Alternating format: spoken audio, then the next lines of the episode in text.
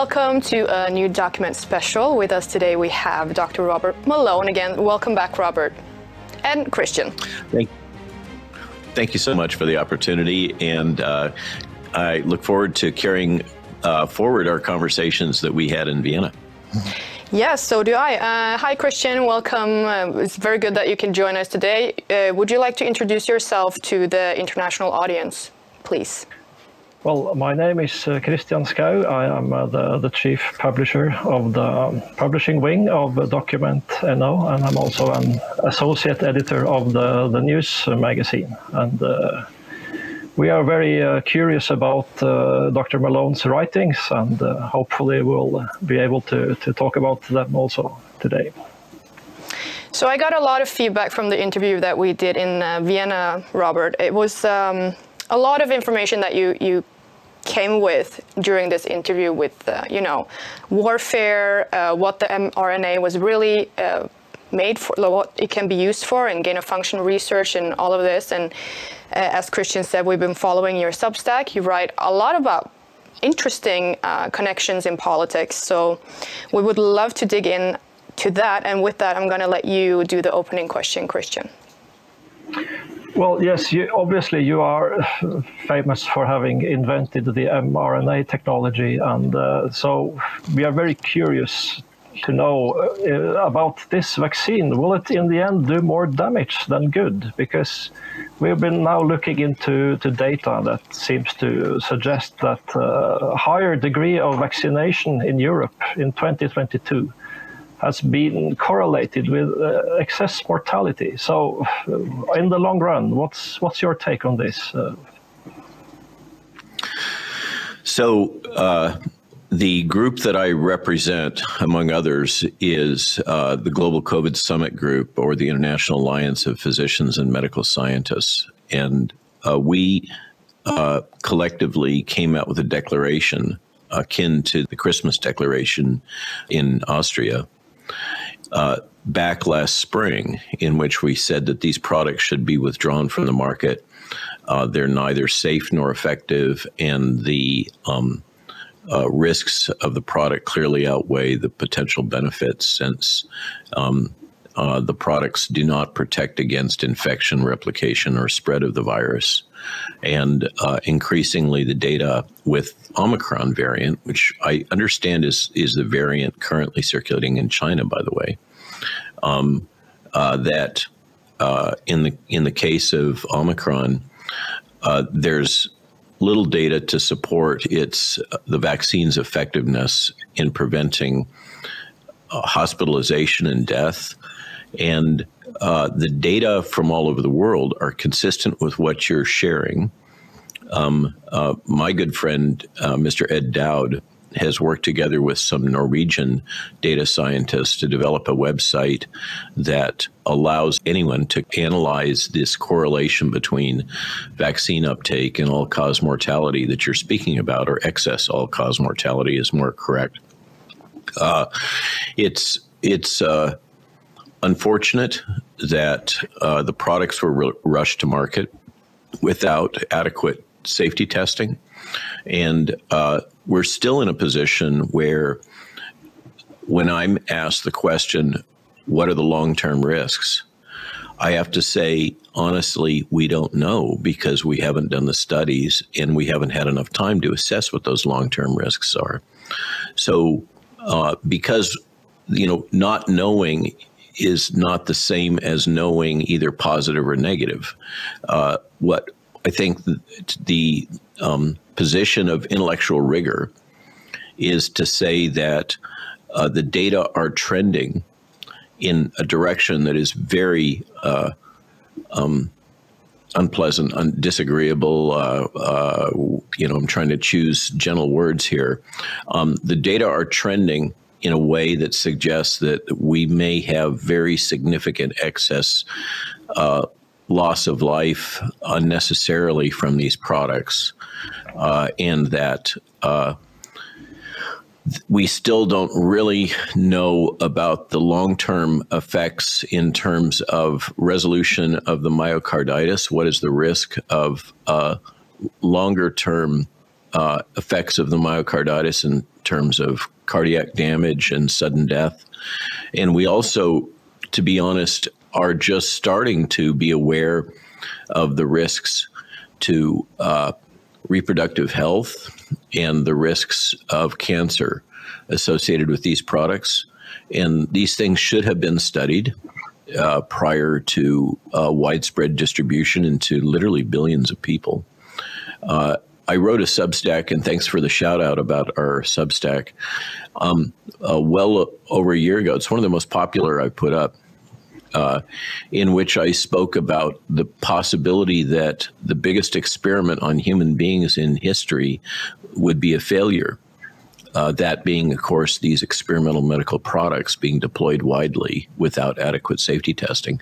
And uh, I'm I'm sorry to say that it looks like that was prophetic. That it does look like this experiment has been a failure, and uh, it is the products are associated with excess mortality. The analysis, though, as you point out um, uh, in in discussions that we had before we started filming, uh, is complicated, uh, and and it it really does require someone, uh, you know, a group objectively rigorously analyzing other variables to see if they can account for the excess mortality. For instance, in the United States, during this three year period, we've had an increasing flood of fentanyl coming into the United States. It's almost all coming from China, and it all comes from the southern border, uh, which is relatively open right now with UN. Um, Agenda 2030 policy uh, that that it's a human right to migrate to live wherever you wish to live. This is UN policy, uh, and um, so we're having this flood of fentanyl, and with that is enormous excess death due to fentanyl. Uh, abuse. Fentanyl is extremely toxic uh, when uh, overdosed just a slight amount. And it looks like we're having more fentanyl deaths here in the United States at the moment than we're having COVID deaths. So I just use that to illustrate the point that we do have to, to be intellectually rigorous, which is where we I know you guys are also. Um, not spinning the data one way or the other, but trying to look it in the face and say, what does this really mean? Uh, we have to acknowledge that there are other variables. But when you see these trends um, globally of uh, suggestions of excess all cause mortality, and I understand there are new data that have only been released in German that came out yesterday, the day before, suggesting a uh, attributable mortality rate to the vaccines in the range of per dose 20 per million. So 20 deaths per million persons per dose, which if you multiply, let's say, to three doses, um, so uh, the prime, the boost, and then a, a new booster, so three doses. And as you know, many people have taken five doses. But if you if you multiply 20 deaths per million doses and then take into account that many people have received at least three doses. You have a aggregate mortality attributed to the vaccine according to these german scientists of 60 per million. And uh, the estimates biased estimates of mortality from the virus they're biased because of this odd uh, policy of uh, attributing uh, any death with a PCR positive signal to uh, death from the virus. So, as I said at Rogan um, a year ago, if if you had a gunshot wound to the head and you happen to have a PCR positive signal, you would be um, determined to have died from the virus when in fact you died from the gunshot.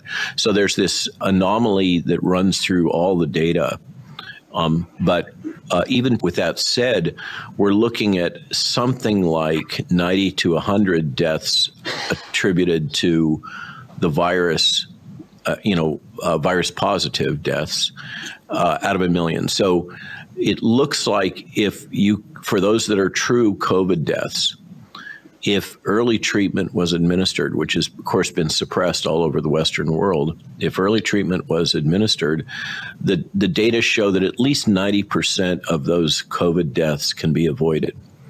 So then you end up with something like 60 per million deaths, uh, according to these German data, uh, for three jabs, and uh, something you know in the range of uh, nine or 10 per million uh, if you had optimal care available attributable to the virus. And so there you have it. That doesn't even take into account uh, um, hospitalization, morbidity, et cetera. And it doesn't take into account these long term risks, as I mentioned, uh, which include cancer um, and uh, the sudden death associated with uh, myocarditis and the resolution of the myocarditis. Over.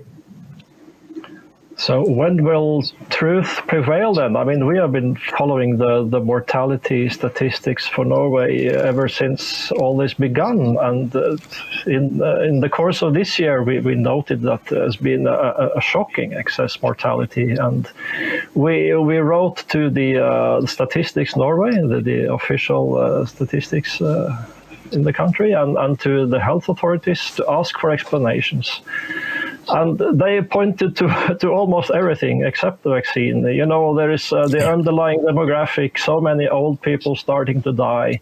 We protected people so well during the lockdowns that now there is a correction mortality for all those that would have died previously and so on. And, and finally, they said, oh, there's uh, been an uh, increase in heart disease that we really cannot explain. so, I mean, yeah. Uh, uh, there's, uh, there are scientists who, who have now now done rather sophisticated analysis uh, to, to to try to to exclude the hypothesis that uh, vaccination causes excess mortality, and they're they're unable to refute the hypothesis, but they're unable also to, to get these papers published. Uh, they are just turned yeah. uh, turned away, even without peer review. So the next question is more or less political. The the, the truth is actually suppressed. So when uh, it, it cannot be uh, suppressed forever, can it? It will prevail sooner or later. So, uh, um, the data on uh, will the truth come out, um, right? So, uh, the data on whether or not uh, um, mainstream public is uh, aware of what is taking place. Uh, the indirect measure is vaccine uptake. And here in the United States, uptake for the boosters in in adults is running in the range of 14 percent. Uh, so the government here in the United States considers this a huge failure, uh, and they have allocated about another uh, half a billion dollars to try to uh, entice or compel or coerce uh, vaccine uptake in children all the way through elderly. Uh, um, I, I agree with you that we're in a political uh, situation. In as I like to say, uh, the whole Western world has been subjected to the most massive uh, psychological operation and propaganda campaign in the history of of uh, um, in the history of the world. Really, uh, I'm excluding China and Russia.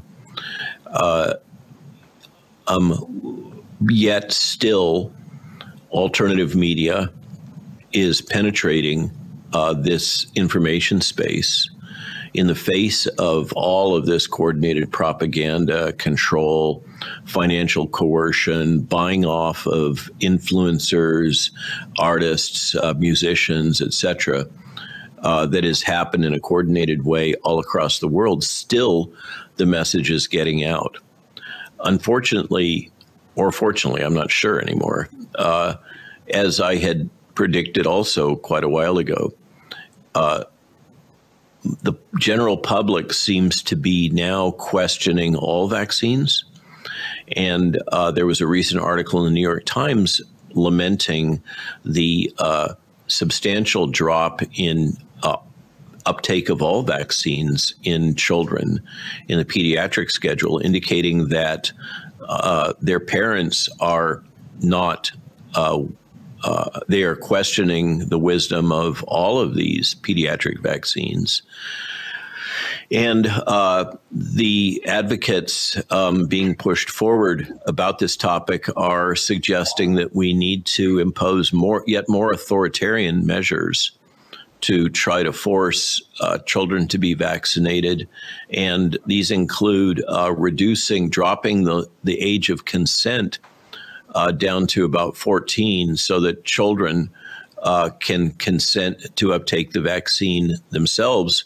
And of course, that will be followed by peer pressure um, campaigns to uh, make it very uncomfortable for children to not be fully vaccinated. And we've already seen this um, in the context of COVID, but apparently that's their plan to deploy this uh, widely. So uh, I I think we're facing uh, a unnecessary public health tragedy uh, in a in a widespread loss of confidence in uh, Western governments and public health as a consequence of what's really uh, overreach. I, I, don't know what else to say. Uh, and we, of course, we are in a position where the current political structure has a problem. They've they've pushed a product into the population through mandates, uh, um, uh, vaccine passes, restrictions on travel, um, coercion, propaganda. Um, and now the data are coming out suggesting that these products have caused more harm than good. And uh, that's a major political problem. I, I think uh, that's now compounded by uh, the, the disclosures uh, associated with Mr. Elon Musk about the Twitter files.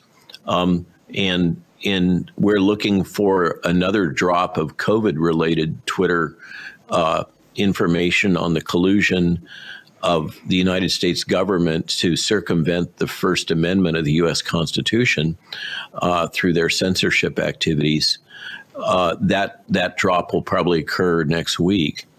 Um, I we're here in the states. We're in a very odd position. Uh, what is the remedy when uh, public health officials and government officials from the lowest level up to the president of the United States have basically acted to circumvent the First Amendment of the Constitution when they're sworn to uphold and protect the Constitution. What's the remedy? I don't. I don't know that we have one. Uh, it's it's very perplexing in in theory, that would be uh, impeachment. I cannot see how impeachment will happen here. We have the attorneys general's lawsuit against the government for colluding with social media uh, to uh, block free speech and free discussion uh, and information uh, that really should be considered as uh, required for informed consent. Uh, and um, uh, that I I I suspect that that lawsuit will uh, succeed now that we've had all this evidence coming out the, from the Twitter files. But what's shocking here to Americans, maybe not to Norwegians or Europeans, is uh, that we've had our own CIA actively participating in this uh, breach of First Amendment rights with uh, the social media companies. So we have both the F D, we have the FBI, the CIA, and the Department of Homeland Security all actively uh, colluding with uh, commercial media interests to uh, suppress information about the uh, safety and lack of efficacy of these products. Um, and this this follows on the repeated assertions uh, going back quite a while from Mr. Obama uh, that uh, it's necessary to have censorship.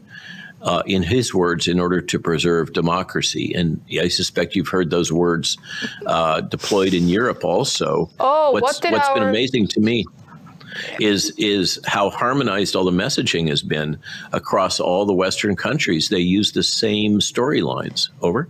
Yeah, no, uh, our previous, not previous prime minister, but she's she was prime minister for quite some time. She said we're losing control over what people are being told. Yeah. so that's our. When was that, Christian? When did she uh, have office? Gro Well, she was uh, prime minister from uh, 1981 till 86, and then she had another period later on. But uh, Gro Harlem Brundtland, she was uh, the she, she wrote this uh, Brundtland Commission report, Our Sustainable Future. So she uh, is probably one of the, the, the queens of globalization. But uh, you were mentioning the Twitter files, and I, I was about to ask you about uh, about this before you started mentioning it. Uh, do you think that will be a game changer? Because we, we've been dealing with this monstrous uh, construction involving states, secret services, mainstream media, big tech, everybody playing uh, on the same team. But uh, the Twitter files is an important crack in that machine, isn't it? It is, and you uh, you just skimmed over because it's relatively unimportant compared to the others. But we also have compromise of the academic uh, publications and literature. That's quite clear, also, um, uh, in both in suppressing uh, information that's uh, contrary or unfavorable to the approved narrative, as well as promoting uh, academic publications that have very little merit, but which support that narrative. Um, uh, and the Lancet articles uh, having to do with the modeling from the Imperial College in London is an example of that. Uh, uh, the Twitter files are complicated. Uh, the US media is not covering them at all a large fraction of the population, therefore, remains um, uninformed, let's say, uh, about the content. Uh, uh, we also had another um, reveal from Tucker Carlson that's really quite shocking regarding the assassination of the president, John F. Kennedy, in which we the cascade of events was that uh, the current sitting president, Mr. Biden, uh, once again refused to disclose the Warren Commission files, the information that was compiled in the 60s concerning the assassination, which has been hidden from the public ever since, and which our Congress had mandated should be released um, quite a while ago. And uh, um, Mr. Biden once again would not comply with the law and release these files. And uh, Tucker Carlson, a journalist uh, and broadcaster here in the United States that's somewhat famous on Fox News, uh, reached out to uh, some sources that he had that are very familiar with the contents of uh, those Warren Commission files individuals that are must have very high security clearance, and was told uh, in a very succinct way that the the information in the files uh, does demonstrate the involvement of the CIA in the assassination of the president, uh, which it, for me. Uh, I'm I'm of a certain age that that was one of my earliest childhood memories. That assassination, so we're we're in an environment here in the states where it's become increasingly clear that the CIA uh, has manipulated our information landscape profoundly uh, for quite a long time, and uh, just as you're you're implying uh, appears to have been the case with your government, uh, and um, uh, with these Twitter files, it's like uh, the covers have been ripped off. Uh, we can see what what is actually going on. We see the documentation. Uh, we see uh, the names are there. They're just uh, redacted in the files that we're being allowed to see. We're we're seeing the agencies, uh, the um, collusion and cooperation between the government and the social media and other media companies is profound. It is it crosses something like 20 different sub agencies. Uh, it's all through the U.S. government. It's been going on a long time, uh, and uh, every opportunity it gets, uh, like uh, the 9/11 events, um, uh, like the assertions of Russian uh, um, intrusion into social media to influence the outcome of elections. Uh, all of these have been weaponized to increase uh, the uh, acceptance of of these very egregious intrusions into our public space, and and now Mr. Musk is revealing these. I had spoken about, you know, I get many questions about Mr. Musk for some reason. I don't know him. Uh, he's never called me. Uh, he called Jay Bhattacharya to review the Twitter files about COVID a couple of Sundays ago. Um, and Jay's a friend, but uh, Jay's very cautious academic. Uh, so I don't know uh, Mr. Musk. I do know that Mr. Musk is a very intelligent gentleman. Uh, he is a very good businessman. Uh, he spent 44 billion on Twitter, I think, in part by leveraging his Tesla stock, and I believe there was significant outside investment also. And uh, um, he is now sitting on a a body of information that is incredibly incriminating to the U.S. government, uh, which puts him in a position to almost blackmail the government. Uh, and uh, really, that that's the dynamic. That's a strong word, blackmail, but uh, he he is in a position to be able to disclose how deeply uh, the government has breached the First Amendment uh, and, by extension, the Constitution, and it's fascinating to me. I, am a student of the Kabuki Theater of DC by uh, uh, necessity because of my years as a consultant to the uh, companies that work with the government. So I have to watch what goes on in DC closely.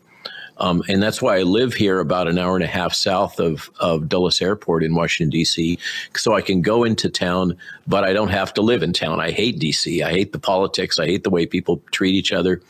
Um, but uh, but I am a student of of these this gaming that goes on, and so as uh, Elon Musk acquired Twitter, uh, we had Janet Yellen threatening that that acquisition would have to be uh, reviewed for antitrust violations, um, which is clearly a threat. Uh, she then backed off of that about a week later after public outcry. Mr. Uh, Musk uh, has uh, released these uh, blocks of information through various really uh, alternative media sources, journalists. In in many cases, those journalists paradoxically were um, far left, quite liberal. Um, uh, Matt Taibbi, being a notable example, uh, has you know written for the Rolling Stone for years, uh, and back when the Rolling Stone uh, was uh, kind of a far left um, publication, and uh, um, then then we've so these releases have happened. They've happened to people that have been established journalists who have been forced into the alternative media space. Uh, Bari Weiss is an example, also, uh, and then uh, suddenly we're seeing the valuation of Tesla stock drop uh, precipitously for no particular reason. And uh, now uh, there are margin calls um, uh, on Tesla stock uh, being called, uh, which potentially threaten Mr. Musk's financial position. and it's it's those it's it's the leverage of his Tesla stock holdings that allowed him to buy Twitter. So it appears to me that what we're seeing is uh, uh, well, it reminds me of of what I'm told is an African aphorism. Uh, when the elephants fight, the mice hide, uh, and and I, I see the signs of uh, big fights going on at at a very high level uh, between very, very large financial interests and one of the richest men in the world uh, that relate to potential embarrassment of the U.S. government and disclosure of information that will compromise the government's position should it be widely known. And course, like in Norway, uh, the corporate media is covering none of this, which is fascinating in and of itself. So that's that's my you know the Twitter situation is very dynamic right now, um, and my sense from watching Mr. Musk's tweets, assuming that he actually does those himself, which I think maybe he does, uh, he he has become radicalized through this process. Uh, he he truly is red pilled, uh, to use the common phrase, and um, he is posting uh, things like uh, that Anthony Fauci should be prosecuted. Uh, he's he's posting, um, for instance, yesterday uh, that Twitter will now follow the science, which means that it will allow scientific discussion and dissent because that's the essence of science. He's posting various memes that are clever, but um, clearly uh, quite pointed. Uh, in terms of what has transpired over the last three years. And I think uh, you know, as as one of the mice, I'm definitely not one of the elephants. Uh, it's it's time to carefully watch uh, from underneath my rock, but uh, it's very difficult to predict what's going to happen with Twitter. Now, there's no just as an example, suddenly out of the blue, without any appeal on my part, the switch got turned back on after almost a year of being deplatformed from Twitter, and suddenly I had my account back. And uh, that was, I think, about a week ago. Uh, at the time, uh, it indicated the the ticker indicated that I had about 490,000 followers. I used to have over 500,000. Um, and I haven't checked it today. Uh, forgive me, but uh, as of yesterday, it was well north of 810,000. Uh, so uh, basically, almost doubled in a week uh, off of a fairly large number. That that demonstrates how hungry uh, um, these people that are interacting in Twitter space are for different information, alternative information, alternative points of view. The public is hungry for it. The public has become uh, disenchanted, as I had suggested would happen with government and with corporate media. And uh, they find the only pathway forward to trying to approximate truth is to seek out alternative media, such as what you have uh, bravely done um, with your organization. So I applaud you for that. And I'll uh, stop talking now. Neimen, nei, hei! Hei, Er du også lei av- hei, hei, hei, er du er også lei av av ekkokammer? ekkokammer? Det er vi også. La oss bekjempe ekkokammeret sammen. La oss si ifra om de tingene som ikke er bra i samfunnet vårt. Du kan bidra med det. Du kan vippse et bidrag til 638941 eller donere til oss via en av de andre metodene vi har listet opp på skjermen. Ditt bidrag gjør en enorm forskjell, slik at vi kan nå ut med sannheten. Takk. You know, um, I heard the conversation that you had on Twitter. I think that was yesterday. I heard it this morning, Robert. Um, and uh, I see that you do have a lot of listeners coming on these. Uh, what do you call them? Like uh, rooms that you can put up, and then you have a you invite people. Yeah, so this is this is the new Twitter uh, Yeah. uh, um, platform that allows uh, it's audio only. Uh, it's called Twitter Spaces. Um, it's been brought into Twitter under Mr. Musk, so congratulations to him for innovation. Twitter is still a little kludgy. Uh, I don't know if you've noticed that, but it's a little slow to load tweets and things like that compared to what it used to be. And uh, Gettr, I got to say, is just way, way faster. So it's not, uh, it's not an unsolvable problem.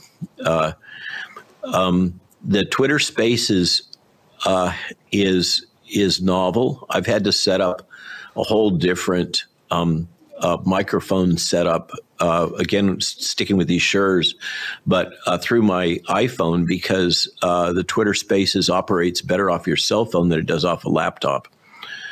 But but just having an audio feed allows a much more uh, bandwidth, many more people uh, participating, and so we're routinely having thousands of people uh, participate in those Twitter Space conversations, which is encouraging. Again, it's another sign of the hunger that people have for alternative information. Uh, so you may you may wish to consider uh, uh, setting up Twitter Spaces uh, chats there in Norway, um, people love to have um, uh, things which they in, they sense are real interactions with real people. They are so tired of of all of this uh, process synthesized uh, corporate media. Uh, you know, where where everything is manipulated and spun and full of conflicts of interest based on sponsors, etc.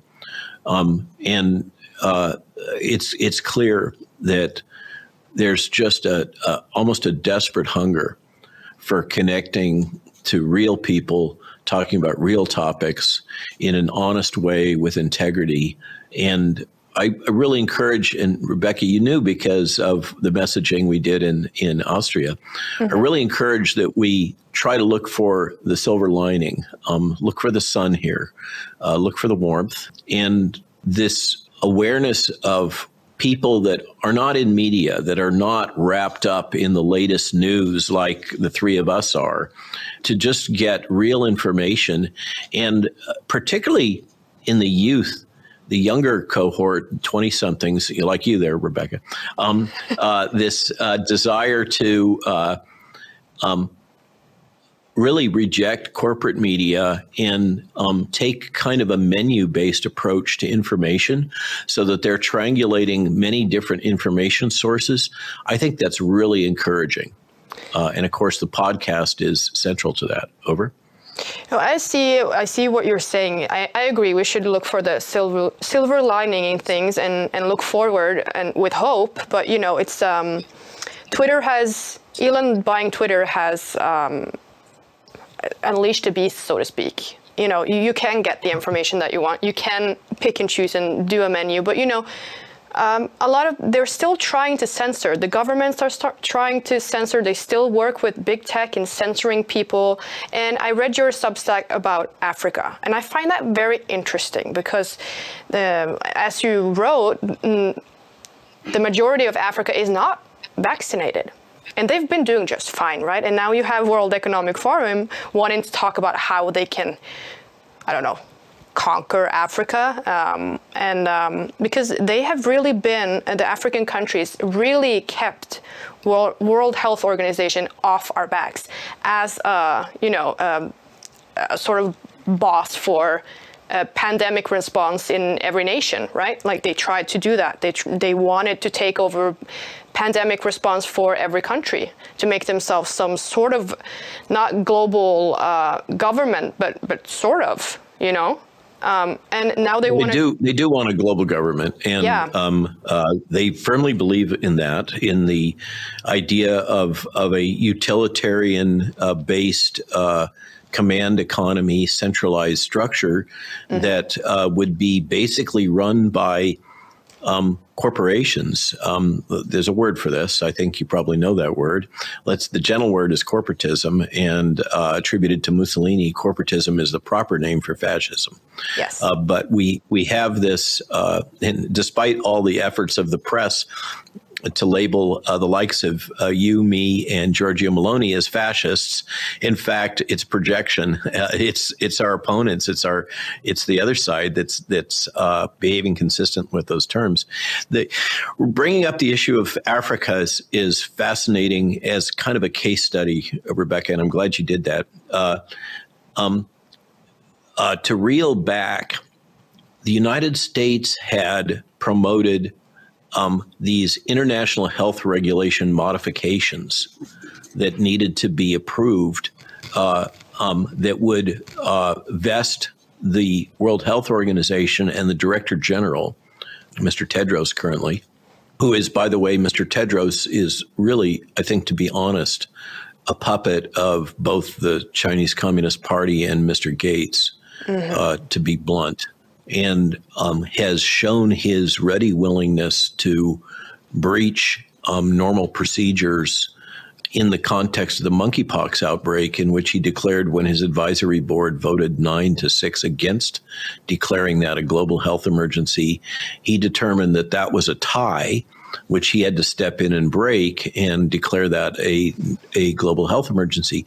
That matters. That action matters. It may seem like inside baseball or, or I don't know what you do, inside cricket or whatever whatever the game is that you play there uh, in Norway. I that's not in my knowledge, but uh, um, you understand the point. It's kind of it seems like it's very inside uh, uh, politics, but under the proposed international health regulations, uh, the Director General of the World Health Organization would be able to declare these public health emergencies uh, and uh, globally for any nation state and would be able to intervene in those nation states and uh, require policy changes to address the uh, um, what he perceived as the public health emergency, which is unbounded. It can be anything.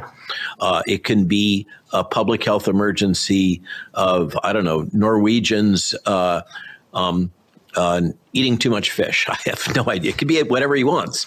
It could be a public health emergency of of um, Americans uh, having too much gun violence. To make the point, mm. uh, and uh, so this was written into the international health regulations promoted by the United States government up to World Health Organization, and it came up for discussion and vote earlier this year.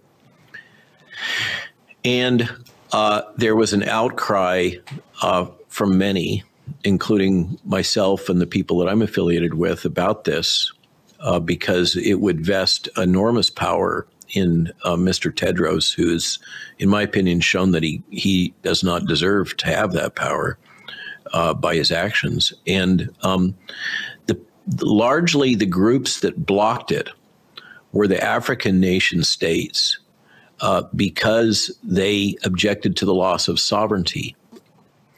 And since then, if you if you keep that in mind, that it was the African states and Brazil and some of the other uh, Latin American countries that blocked this effort by really globalist uh, Western um, uh, states that are very aligned with the um, World Economic Forum and the G20.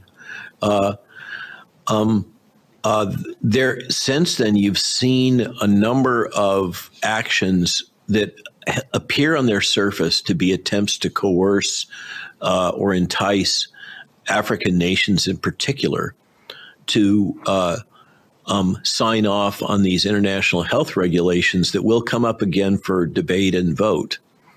And there was a famous Politico piece about this here in the United States. And uh, it, it appears that the desire of the African nations to maintain sovereignty after decades and decades of direct experience with coups, uh, violent coups, uh, all kinds of actions to basically suppress the people and the economic development of Africa in what what appears to be a long-standing effort to exploit African resources for Western nations' benefit they're kind of fed up with that a little bit. Uh, and I think they're a little sensitized to loss of sovereignty and these kinds of policies that would allow um, uh, uh, Western, European, North American interests to impose their will on Africa. So I think it's quite a paradox that we're seeing Africa as the defender of sovereignty globally right now, right? and the and the firewall. Uh, but um, that that to my point of view those are the dynamics that are going on in any of this discussion that comes out regarding africa and now as you point out it is becoming increasingly totalitarian it's basically saying we must do this to Africa for the benefit of Africans. And I'm kind of in the camp that uh, we should respect uh, the sovereignty of independent nation states. And if they ask for help, oh, that's one thing. But imposing it on them uh, is a totally different thing. And uh, we'll see how this plays out. But it those statements that you're citing uh, that have come out more recently from the WEF and other organizations aligned with them, uh, very aligned with the self interests of these globalist groups that seem to want to impose a, a centralized totalitarian structure on the rest of the world. Uh, and um, So we'll we'll see uh, whether the Africans continue to withstand this, or whether the notorious uh, corruption uh, will allow them to be co-opted. I think that's that's another one of these uh, global geopolitical things that we just the likes of us uh, just have to watch and observe and and report as you're doing. Over. There- is so much at uh, at stake here, isn't it? I mean, uh, the, the this concentration of power is is much bigger than anything we have seen in, in world history. And uh, you you, uh, you pointed to the word fascism, and uh, this time fascism is is, is global and and not uh, not national. Yeah. So, uh, but but this is utopian, isn't it? I mean, the, everybody who's tried to, to conquer the whole world has uh, has failed uh, miserably, and I'm sure it will fail this time also. But uh, you know, uh, when uh, when the Second World War, they almost uh, destroyed Europe. Uh, so, uh, what what are we heading towards? This is this is so uncharted territory because we have uh, technology that didn't exist in previous history. So this is really anyone's guess, isn't it? Where are we heading? I agree. And then we have the macro conflicts as we we see the integration of the BRICS structure for alternative currency. What what we're really seeing is the consequences of the gradual withdrawal of Pax Americana, of the dominance of the United States over all geopolitics, pretty much. The, you know, with that, a number of things will become apparent. You're going to have ongoing disruption of energy. You will have a disruption in something that matters a lot to Nor- Norwegians, uh, which is the safety and integrity of the sea lanes. The sea lanes have largely been protected by the American Navy. And as the United States draws back, of necessity because we've incurred such massive debt through our ongoing, extremely aggressive investment in our military. You know, this this is our, our military expenses have really crippled the United States and placed it in a position of deep indebtedness to these same transnational sources of capital. And just like much of Europe is now beholden to Brussels because of indebtedness and the uh, forces behind Brussels. In the United States, our government really doesn't have the level of autonomy that it acts as if it has uh, because it's so deeply indebted. And I, I think that uh, what this means is we're heading into a period of uh, significant turbulence and change uh, that will, it, it, may not affect the likes of me uh, as much, but it will affect uh, the lives of our children deeply and of uh, people, young people um, today. Uh, and I don't know what that future looks like for them. I'm I, those are the ones that I care about. Is uh, the our current youth and our children and the next generation. Uh, you pointed, you mentioned that we've seen these global conflicts play out in the past, um, historically, you know, for millennia. But when this happens, this kind of turbulence, it has an enormous human cost. And Europe is very aware of that, um, if anyone, uh, if anywhere, the the effects of this kinds uh, these kinds of uh, conflicts and turbulence. And and of course, I've I've seen some fantastic films about how it even impacted on Norway. Uh, you you bore the brunt of uh, the German war machine very early on, uh, and your sitting royalty at that time. Um, faced a very challenging uh, set of decisions that they had to work through.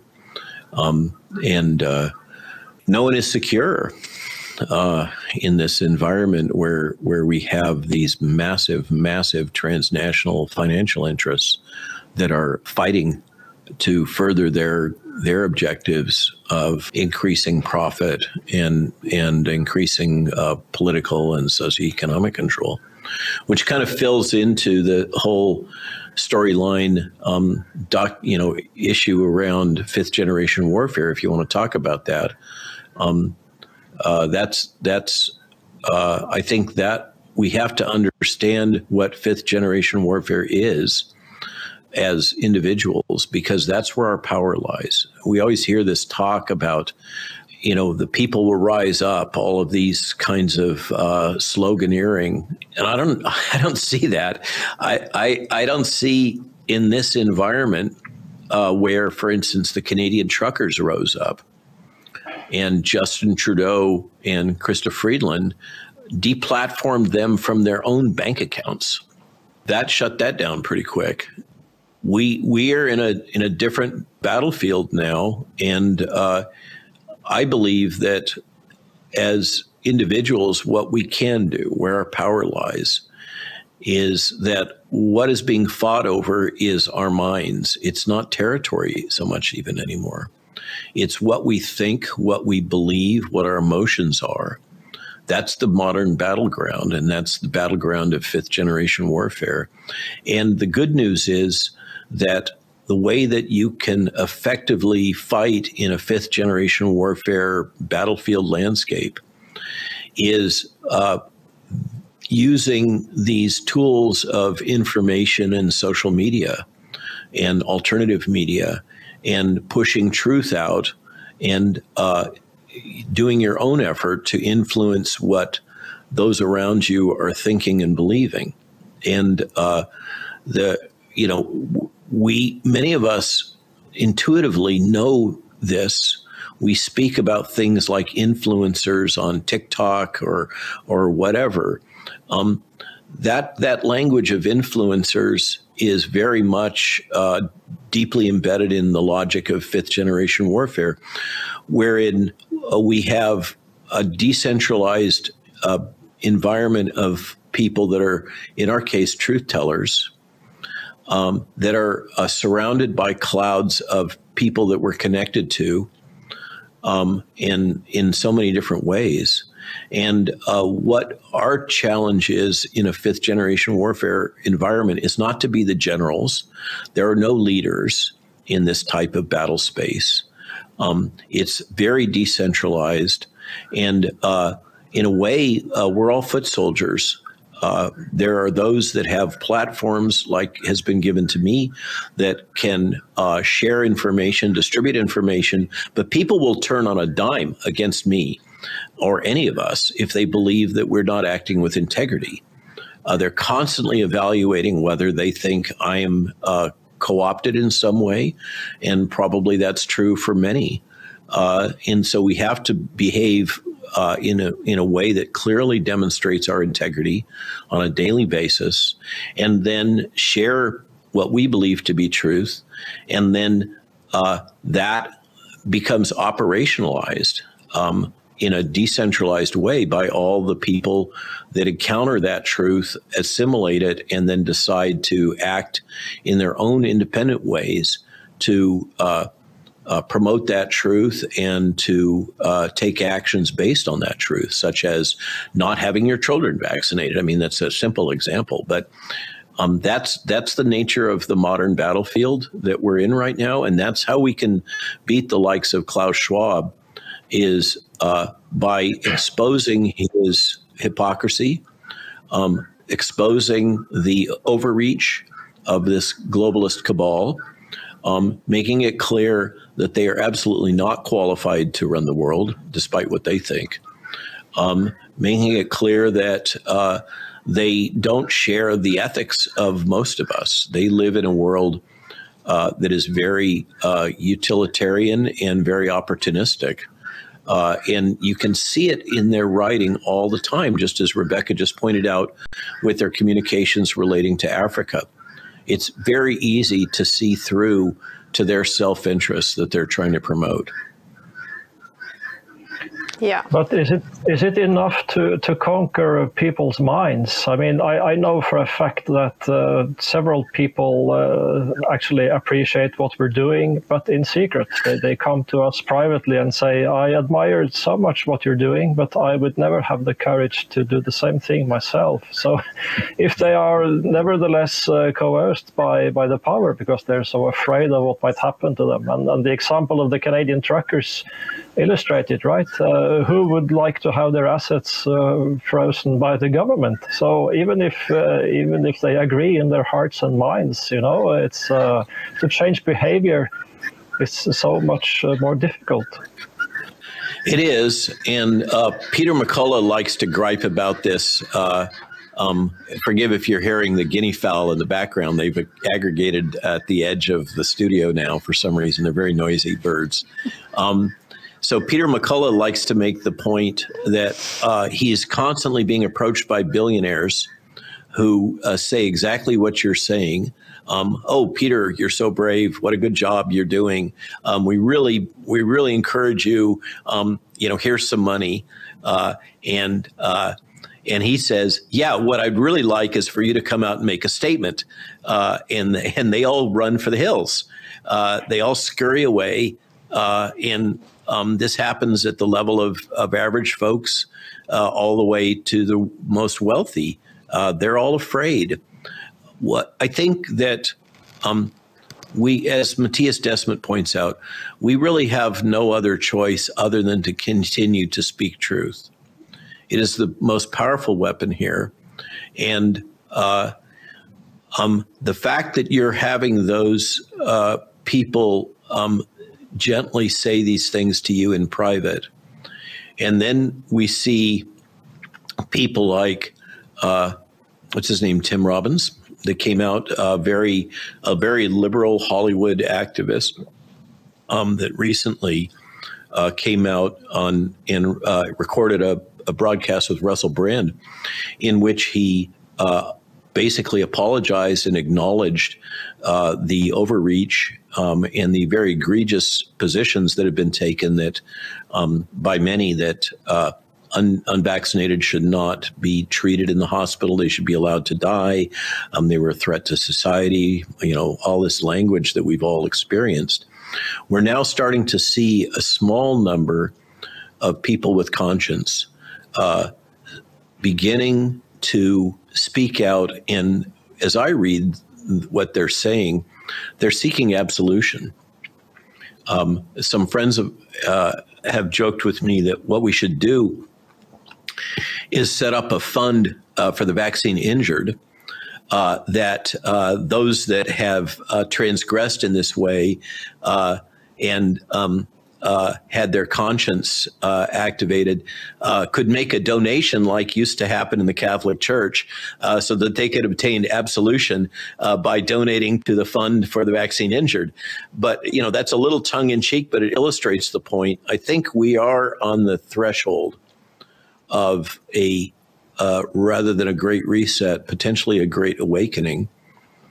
Um, and please keep in mind uh, with your leadership that that the history has shown again and again, and the American Revolution is another example. It only takes about ten percent of the population that are committed to a cause. Most people just want to be told what to do; they're followers, and uh, that's that's why the power of the narrative, um, we're being subjected to an intentional effort to shape the future by uh, disseminating a narrative uh, about transhumanism and the fourth industrial revolution, this very dark uh, um, dystopian vision. And uh, as far as I'm concerned, our biggest opportunity and challenge right now, particularly those of us that are in uh, this media space, which the three of us are now, is to uh, offer an alternative vision that um, is is uh, much more attractive. Uh, a, a vision of uh, celebrating humanity, celebrating the arts, um, celebrating uh, the importance of family, celebrating um, our our interconnectivity, uh, celebrating ethics. Uh, um, it, I think that that uh, in in often within that is uh, uh, uh, developing systems and ways of being that are more decentralized. So in the United States, we talk about states' rights, which are written into the U.S. Constitution. That's one of our great um, uh, assets now on our side. Uh, and one of the great threats to our opponents, uh, as, as you know, we talked about the First Amendment in the U.S. Constitution being overthrown and, and disregarded. Uh, so I think that's that's that's how we win is with uh, this patient Gandhi-like uh, approach.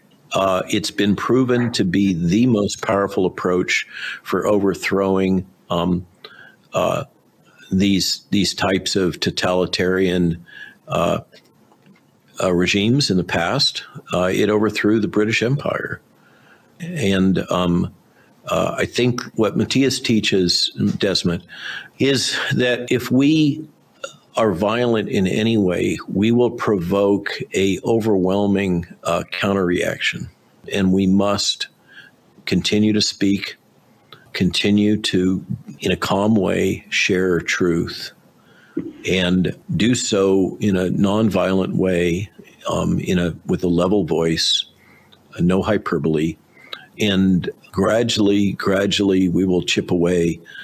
And we have the advantage on our side that the overreach in the case of this COVID crisis in these vaccines is so clear and compelling. And it's damaging people's brothers, their parents, their children, um, and they can see it in their daily lives. They can see these paradoxical, you mentioned it early on in, in this uh, broadcast. Uh, you mentioned the myocarditis and other cardiac damage that is paradoxically somehow happening uh, concurrent with uh, the rollout of the vaccines.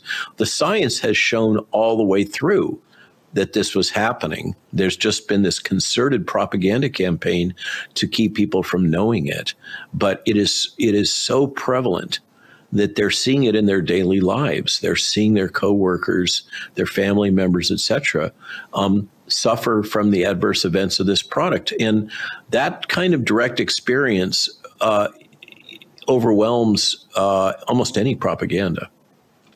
Um, I want to ask you something, though, Robert, because um, I, I, I like the fact that you look to the future with hope and, and you have patience, and you know, because if there's one thing these globalists um, elites, if you will, uh, with their agenda is doing, they're, they're in a hurry. They try to, uh, you know, eat, eat as much as possible in the shortest uh, amount of time. And if you, we talked a little bit, we touched on this in Vienna, you know, you have all these uh, things going on at the same time with the climate, but then you have wokeism.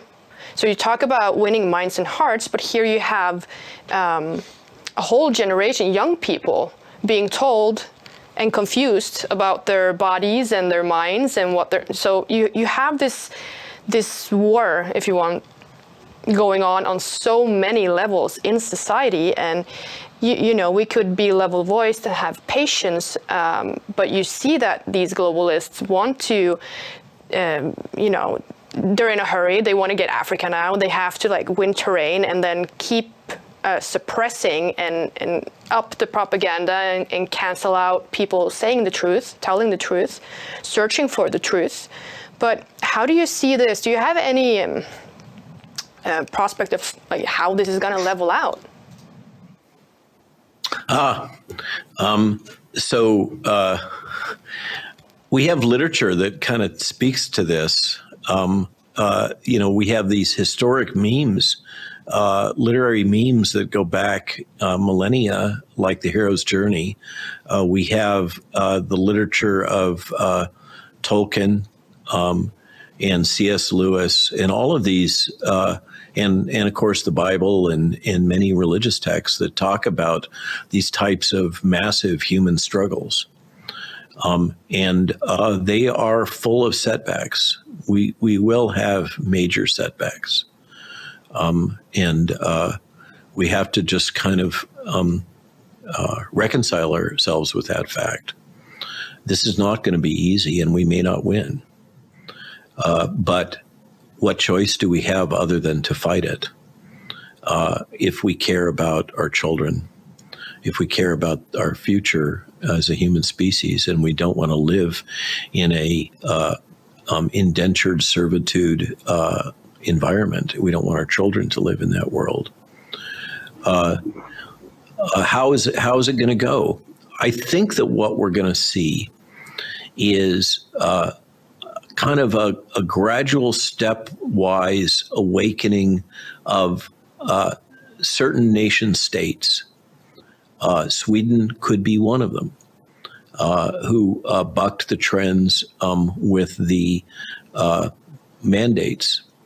Uh, you know, the, the Scandinavian countries have a history of uh, fierce independence and uh, um, and concern for their population.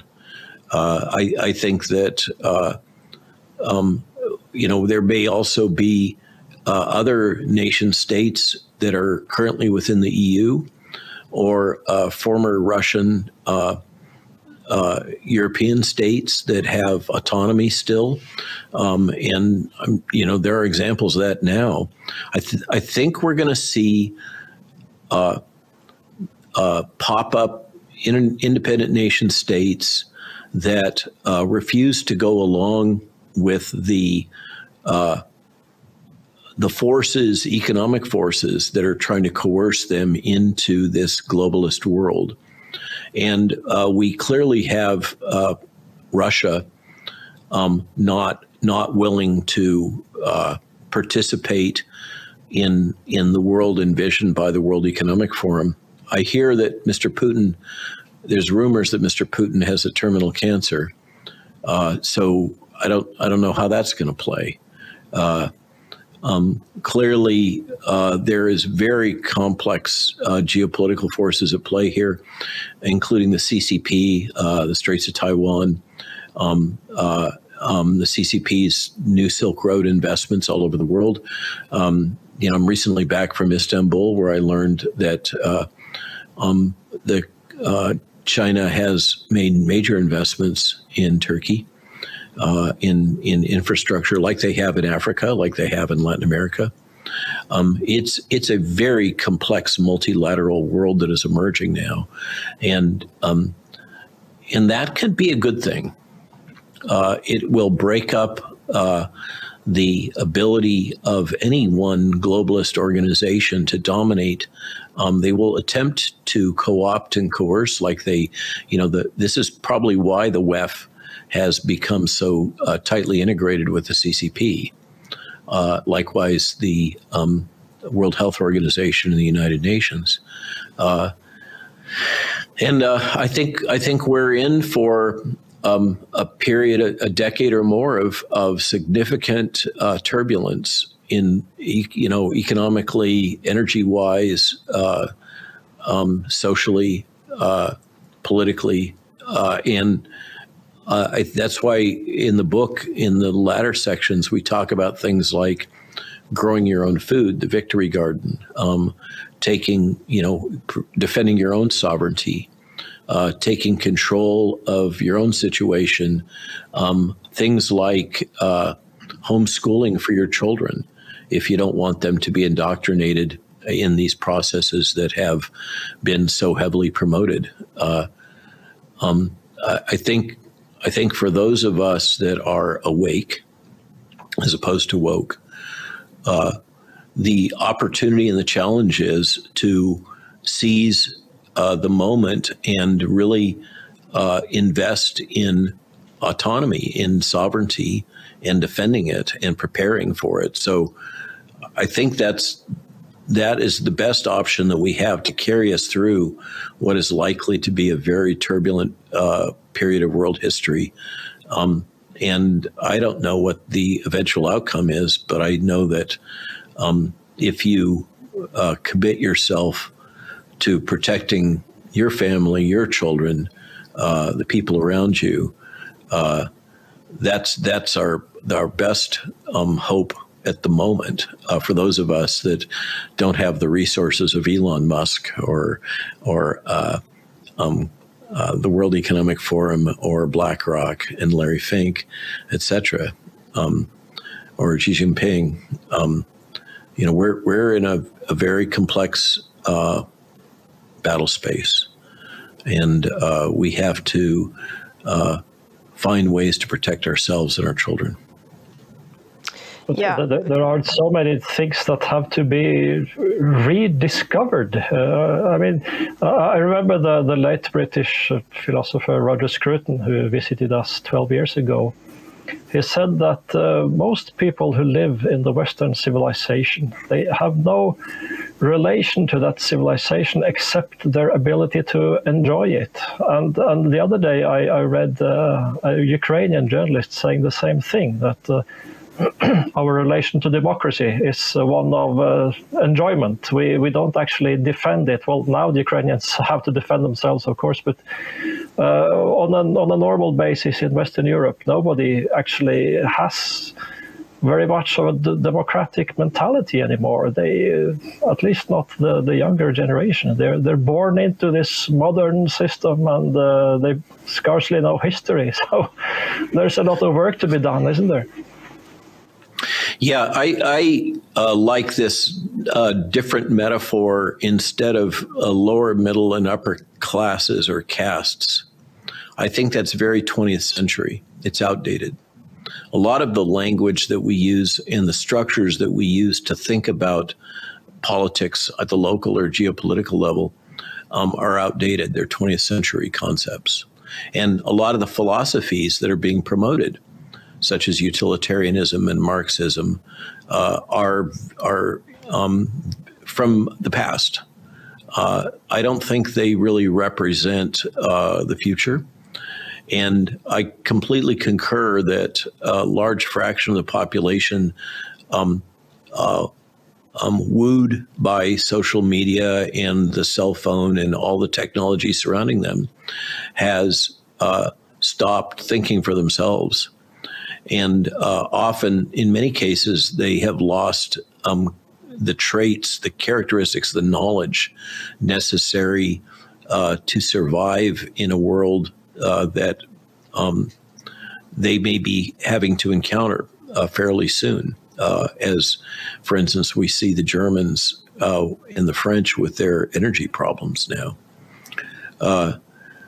I was struck. A, a colleague um, from South Africa, by way of New York City, was visiting over Christmas, and uh, she went to start her car to drive back, and it wouldn't start. And she said, "Oh, can you charge up the battery?" And I said, "No, we just need to replace the battery. It's getting old, and and you're just going to have more problems." So we went and got a battery, and as I'm installing it, she says. I don't think I know any men that could do what you just did, installing a battery, which is trivial.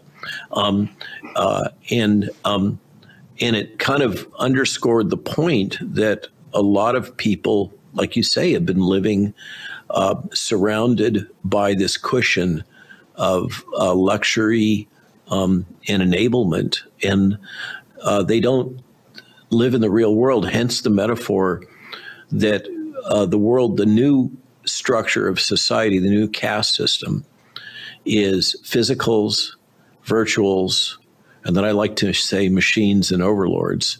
Uh, machines recognizing the transhumanism agenda.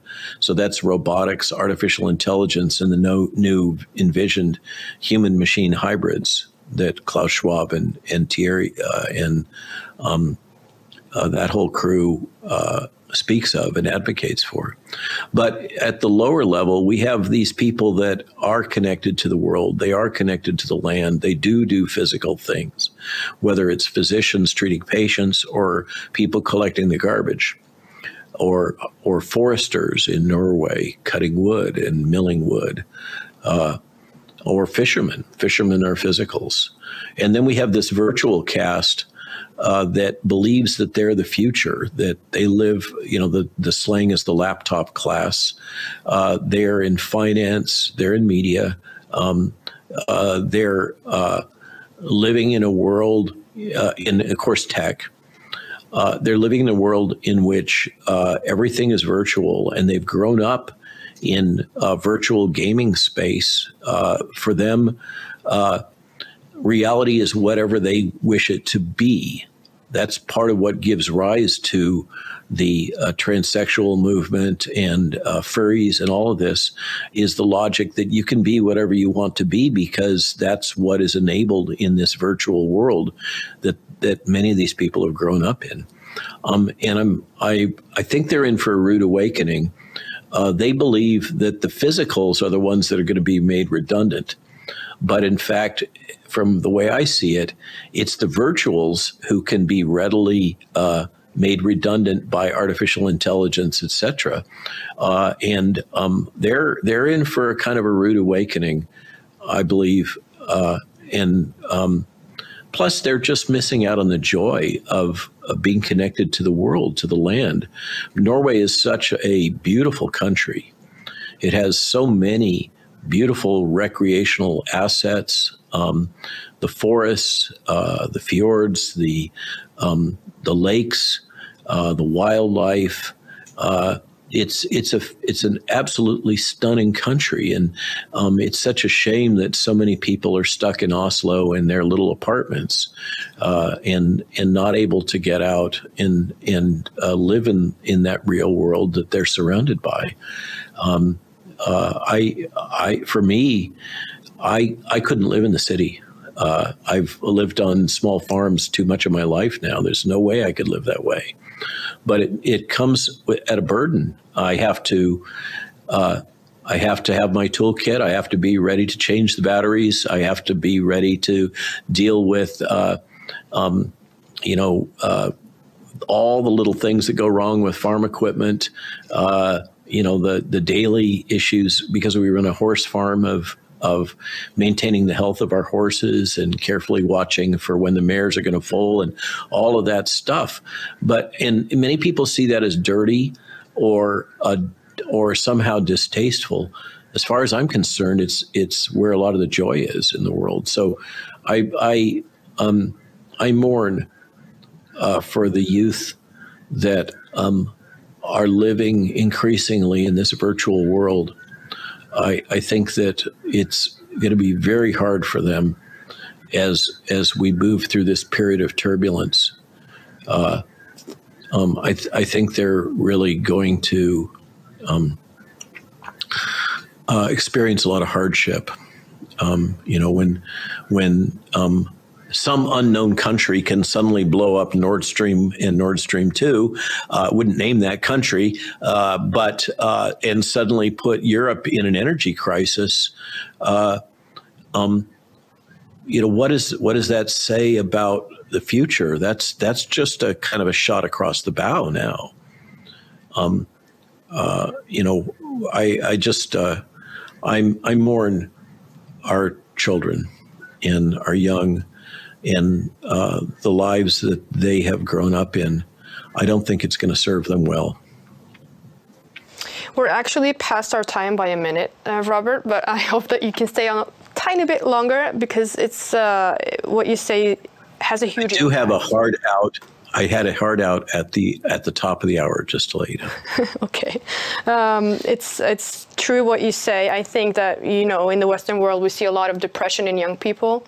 At least here in Norway, we we do know that we have a lot of depression. There's a lot of um, anxiety among young people, and I think that's true to what you say that that many pe- young people are disconnected from the world, from relation like true relationship, from the earth, nature uh, and all the good things that comes with that, it being dirty or not. Like, come on, it's it's a part of life, right? Um, but do you have? Um, I would ask you, what is your uh, what is your silver lining? How, where do you see that? What's what makes you hopeful in this scenario? And I would um, like you to answer that question, and then I will give the word to Christian for a last question, and then we'll wrap it up. Okay. Yeah, um, uh, building off of the last uh, line that we were just talking about, that thread, um, uh, remember uh, um, Candide, the great novel, uh, and the conclusion uh, in examining this best of all possible worlds that we must all go work in the garden. I think I think there's salvation to be had there, and that's that has been the um, wisdom of uh, centuries of human experience. In terms of uh, where I see uh, the silver lining in my own personal life, what has taken place over the last three years has been profoundly disturbing in many ways. It's not fun to be attacked in the way that I have and censored and and subject to a gaslighting and derision. But I've survived, as have we all, uh, for the most part, except those that passed away during this. And um, what I have uh, found is the warm embrace of new friends all over the world, including yourselves, uh, including uh, the people that we spent time with in uh, in Austria just recently. I mean, uh, again and again, I get the feedback. Um, these two types, categories of comments. One is, I felt so alone until I heard your voice, and then I knew I wasn't alone. And the other one that is really um, comforting is uh, I, I thought that I was going mad, that I must be insane uh, to be thinking the things that I'm thinking and, and believing what I'm believing. And then I heard you speak and I knew I wasn't. That's, that's a, a huge gift in terms of my soul uh, to, to have these new friendships and to know that I had in some way impacted positively on other people. I, I've I, I kind of cut my teeth in a hyper hyper competitive academic environment, um, among other places at the Salk Institute at a time when there were many Nobel laureates there. And uh, what I observed again and again with these people, and Jonas Salk, was they were often unhappy people. I use I use the expression they have a hole in their soul that they're trying to fill through their uh, achievements and ambition. And and this is we often hear this uh, from very ambitious people that strive so hard uh, to um, achieve uh, whatever their objectives are. The statement, "I only when they get older, I only wish I'd spend more time with my children." Uh, this this all points to the truth that our joy, the the richness in our lives, comes from community. It comes from our interactions with each other. It comes from those friendships, and uh, the, by the way, uh, the experience I've had all over the world is that those groups that have maintained community, often it's religious groups, but it's really any group that has maintained their community ties, have been very resistant to this propaganda, very resistant to this psychological manipulation that they've all we've all experienced. Um, they've been able to uh, maintain their uh, their true north, their integrity, uh, in in the face of this overwhelming effort to uh, shape their thoughts. And and I think that's that's the bright light forward is embracing that, embracing um, our humanity, embracing the arts, uh, embracing human creativity, embracing love. Uh, that uh, that's the only way I think that we get to that deep happiness of satisfaction when you get older, as I am now, of knowing that you've done good. And uh, that, so that's my my uh, parting thoughts is um, once again for all of us to keep in mind these three words: integrity, dignity, and community. And uh, looping back to my speech on the Lincoln Memorial uh, last January. And please allow me to introduce my uh, fellow warrior, Dr. Jill Glasspool Malone.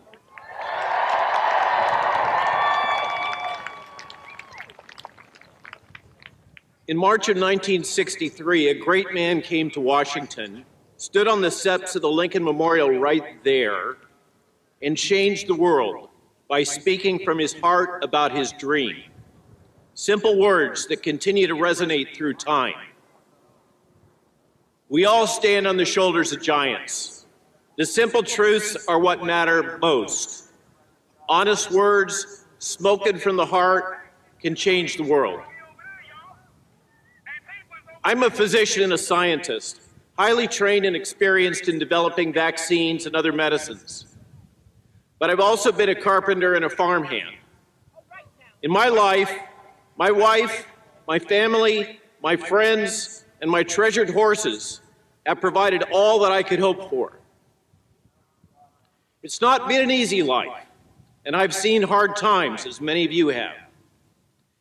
In walking my path, I've traveled from the arrogance and hubris of youth to arriving at awareness that peace and happiness flows like a fountain from a commitment to kindness, good works, and striving to help others. I come to you with an open heart as a physician committed to healing, bringing three simple words, each of which ring like bells in the soul of honest people. Integrity, dignity, community.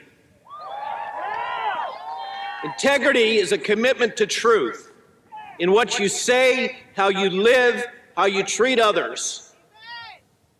Dignity flows from respect for ourselves, for each other, and for the world we live in. Community is what binds us together to each other and gives our lives purpose and meaning. St. Augustine, the doctor of the Roman Catholic Church, famously said, The truth is like a lion. You don't have to defend it. Let it loose, it will defend itself.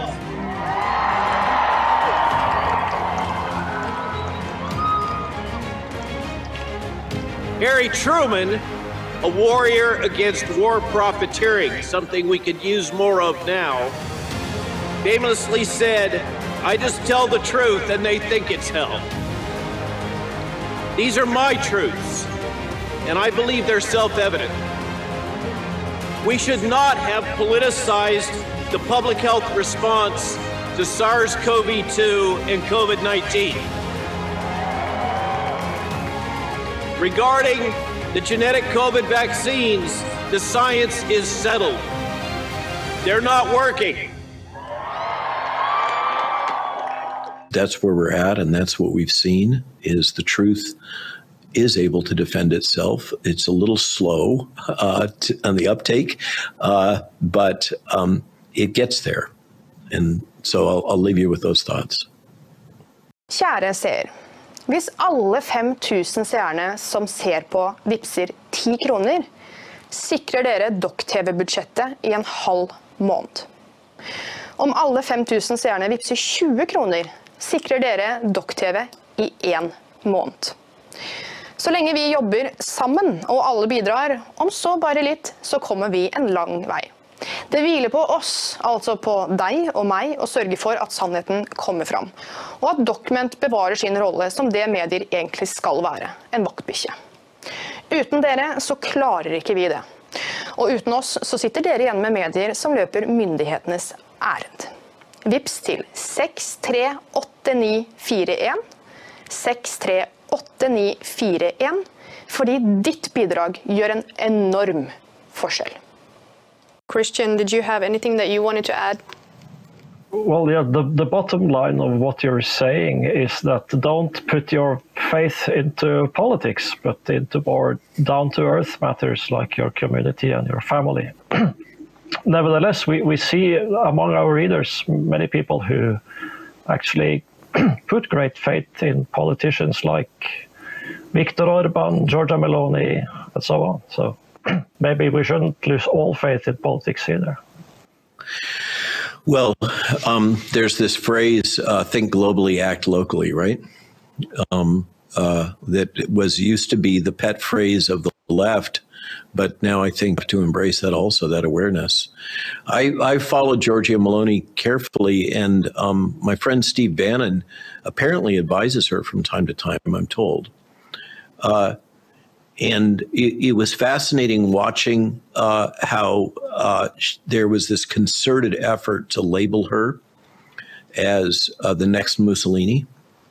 Uh, and yet, what we find is a, uh single mother uh, committed to um, traditional ethics and and conservative policies in socially, who uh, has very very little operational latitude because of the indebtedness of the Italian government to Brussels and to the United States, uh, the long-standing um, overwhelming influence of let's say United States government uh, um, uh, actors.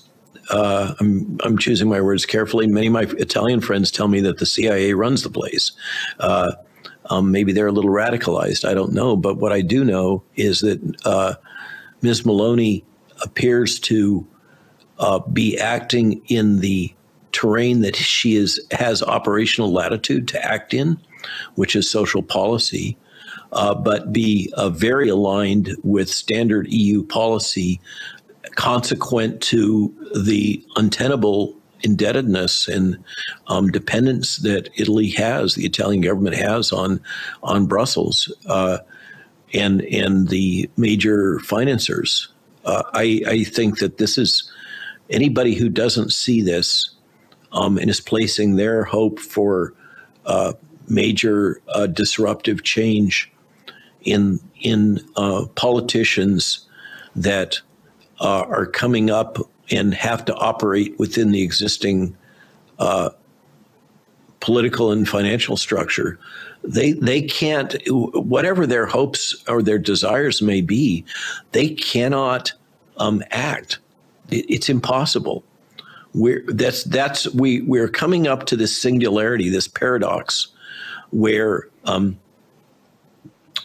many of the nation states, certainly in the West, are so deeply indebted, and the United States is a poster child for this. They're so deeply indebted that um, there, it's a it's a major problem now for the uh, Bank of International Settlements and the central banks. Uh, how how to resolve that debt? That's part of what's driving the um, central bank digital currency logic. Uh, is is that um, they have become captured. They they they have become client states of uh, these large financial interests. And if if you uh, you know Norway, probably the only reason Norway isn't completely uh, captured in the way that Canada and uh, New Zealand, and to a large extent Australia, and increasingly the United States are, is because of your um, your assets uh, in petroleum and, and other natural resources and uh, that's that's probably the only thing I suspect that is allowing Norway to have any modicum of independence. Uh, so, I. I, I think that we are heading into a situation in which those who place their faith in uh, politicians uh, are being Pollyannish. They they are not recognizing the realities of uh, how deeply uh, indebted um, most nation states have become to these global financial structures. And just to, to put a pin on the point, um, recently in the news, BlackRock is in discussions with the government of Ukraine to uh, provide uh, funding and loans uh, post war. Uh, so basically, Ukraine will become deeply indebted and functionally captured, which I think has always been the intention uh, um, since the CIA overthrew the prior regime. Uh, um, to make Ukraine a client state, but it's not a client state of the United States. It's a client state of these large uh, transnational financial interests. And and uh, so to think that election of this person or that person um, that are coming up within the existing system is going to change that is, I think, just grossly naive. Um, and uh, people need to come to the terms with the reality that most nation states now in North America, EU, um, and in many other regions uh, have have functionally become indentured servants to uh, these large financial interests. That um, we're we're now a situation where uh, the the large financial interests have more power than the U.S. government in the sense that they they really control American politics, uh, and um, they they they can tell the government what to do. The government no longer can tell them what to do. I think we have to come to terms with what that means. Yes, well, should we round it off there? Um, it wasn't really the uptake that I wanted to run it off, but uh, off with. But you already did your silver lining, Robert, and thank you for that. Um, I do agree with you that we need to take into consideration that all these companies with a lot of money and single politicians may not be the solution to the global agenda uh, being torn Yeah. down. Um, Yeah, so I think the silver lining is uh, that we all have the power uh, in our in our daily lives and the people surrounding us to uh, extend uh, community, commit to community, to love, to embracing each other and supporting each other, and uh, that I think um, can lead to the creation of intentional communities. We could call them tribes or or whatever you want to call them, but groups of people that have shared values and interests that cooperate with each other. It's very uh, um, medieval. I'm sorry, it's uh, but but that seems to be what we have to fall back on is a world that's more like um, a wor- the world of the Middle Ages, uh, where where you have uh, groups um, that are supporting each other and acting cooperatively um, and semi-autonomously. Uh, that's I, I think that's how we um, move through these uh, very difficult times uh, that I, I fear that we're heading into. Over. Thank you very much, and thank you so much for taking the time out to come back on with me uh, and Christian and answering all these questions. I would love to keep going, uh, and I'll probably invite you back again, Robert, because it's a pleasure speaking speaking with you. I do understand why Joe Rogan went on for three hours. It's yeah. Yeah, for some reason he doesn't want me back. Uh, I don't know what why that would be. Um, uh, that's but uh, yes, it is rather. Um, so I look forward to our next discussion, and uh, and sincerely, my heart goes out to you, to your cause, um, to the people of Norway and Northern Europe, and uh, I I hope I, I'm sure that if we can hang together, we will not hang separately. Thank you. Welcome to the new Middle Ages.